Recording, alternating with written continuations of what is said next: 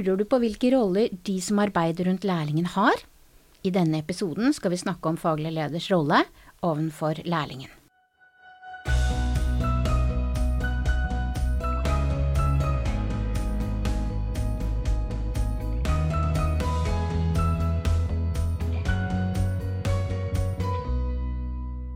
Hei! Du lytter nå på Veilederbua, som er en podkast for deg som har lærling i helse- og oppvekstfag.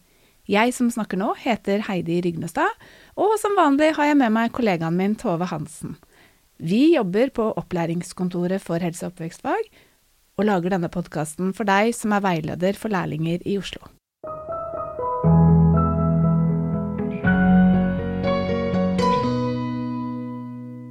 Det er mange som har en rolle rundt lærlingen for å sikre en god opplæring, og en av de er faglig leder, som er den rollen vi skal snakke om i denne episoden. Tove, kan ikke du si kort hva en faglig leder er? Faglig leder er den som har det overordna ansvaret for lærlingen, og at lærlingen får god opplæring i bedrift. Nå er det sånn at faglig leder må godkjennes formelt og ha den riktige kompetansen for å kunne stå ansvarlig for opplæringen i, på vegne av bedriften. Eh, lærebedriften som påtar seg opplæringen for én eller flere lærlinger, må kunne gi en opplæring som tilfredsstiller kravene som står i læreplanene, og ha en faglig utdanna person som står ansvarlig for opplæringen. Og det er jo da faglig leder i denne sammenheng. Hvem, hvem er denne faglige lederen? Hvilken stilling i bedriften har vanligvis faglig leder?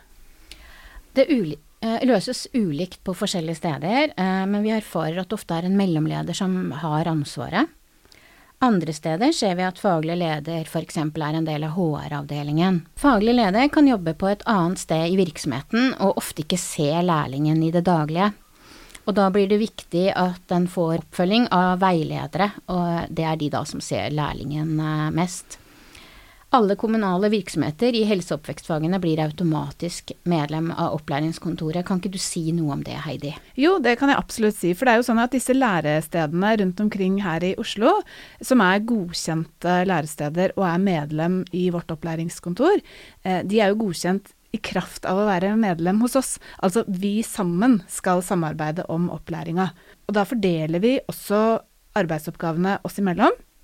Eh, slik at eh, dette samarbeidet om opplæringen blir eh, utført i henhold til det loven sier, og slik det skal være god opplæring. Hva er det loven sier, og hvilke lovpålagte oppgaver er det man har i forhold til en lærling? De lovpålagte oppgavene er bl.a. å ha en intern plan for opplæring.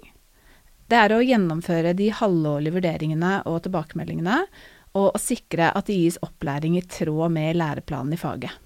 Og her blir samarbeidet mellom opplæringskontoret og lærestedet veldig tydelig. Eh, for vi lager den interne planen for opplæringa, mens lærestedet og faglig leder har ansvaret for at den tilpasses selve lærlingen, og, eller den enkelte lærling, og følges opp der ute i det daglige arbeidet. Ja, ikke sant, det stemmer. Og det er jo vi som oppretter skjemaer og maler for vurdering eh, av siste halvår og, som du sier, planlegging av opplæringa. Men så er det faglig leder og veiledere som skal gjennomføre denne samme lærlingen. Så hele opplæringsløpet for våre lærlinger så følger det faste rutiner og frister. Og opplæringskontoret rigger dette på forhånd, og sørger for at lærestedene gjennomfører det innen fristene. Og da er vi avhengig av et godt samarbeid med faglig leder.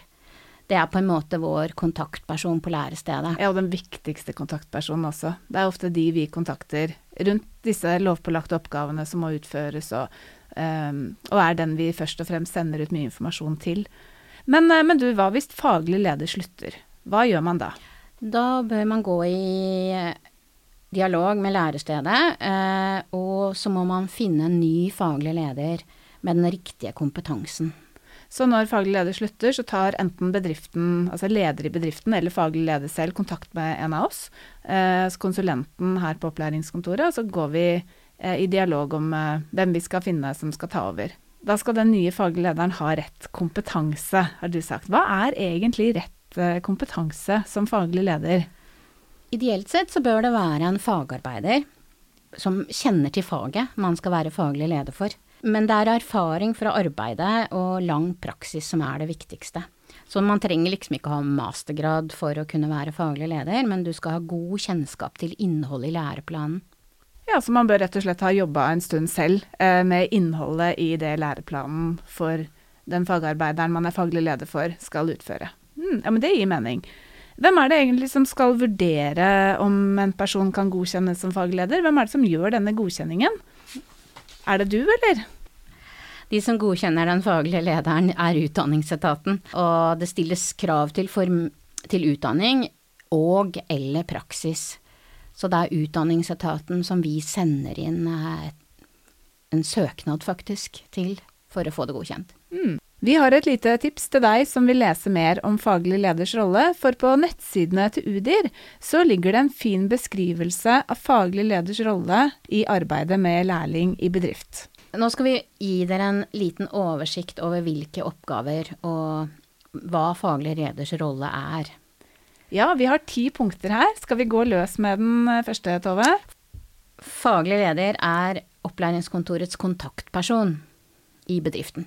Og det er faglig leder som undertegner på lærekontrakten med det ansvaret som følger med i opplæringslova. Faglig leder har ansvaret for den enkelte lærling, og er ansvarlig for lærlingen at den får opplæring i tråd med læreplanen. Det er også faglig leders eh, ansvar å sørge for en god balanse mellom verdiskaping, altså den jobben lærlingen skal gjøre, og opplæring opplæring.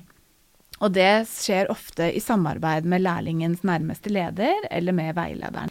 Og så er det kjempeviktig at uh, faglig leder skaffer gode og motiverte veiledere i god tid før opplæringen starter, sånn at det er klart når lærlingen kommer. Og så skal uh, faglig leder informere personalet om at uh, det skal starte en lærling, og hva det innebærer å ha en lærling. Kan ikke du utdype det, Heidi?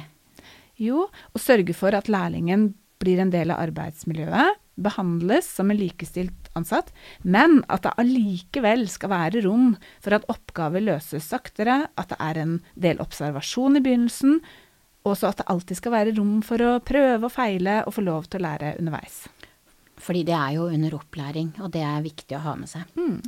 Faglig leder er også ansvarlig for at det er en plan eh, for opp lærlingens opplæring i bedriften. En faglig leder kan bruke vår interne plan som utgangspunkt. Dette er jo igjen dette samarbeidet oss imellom, som skal mm. sikre god opplæring i tråd med læreplanen. Det er også faglig leder som har hovedansvaret for at det gjennomføres eh, minifagprøver. Det er ofte veiledere som har selve gjennomføringen av den, men det er faglig leder som skal påse at det planlegges og at det gjennomføres en minifagprøve. Er du nysgjerrig på mer om innholdet i minifagprøver, så finnes det egne episoder om dette. Faglig leder skal også sørge for at det gjennomføres halvårlige vurderingssamtaler sammen med lærling og instruktør. Og så er det faglig leders ansvar å følge opp lærlingen, eh, enten det gjelder fravær eller annen personaloppfølging. Helt avslutningsvis har vi lyst til å si at når du tar en lærling inn i bedrift, så er det ikke bare for å gjøre et samfunnsansvar og gi en ungdom en utdanning. Det er en investering i en fremtidig kollega. Så det er virkelig viktig å gi den opplæringa sånn at du i fremtiden kan få en dyktig kollega i faget.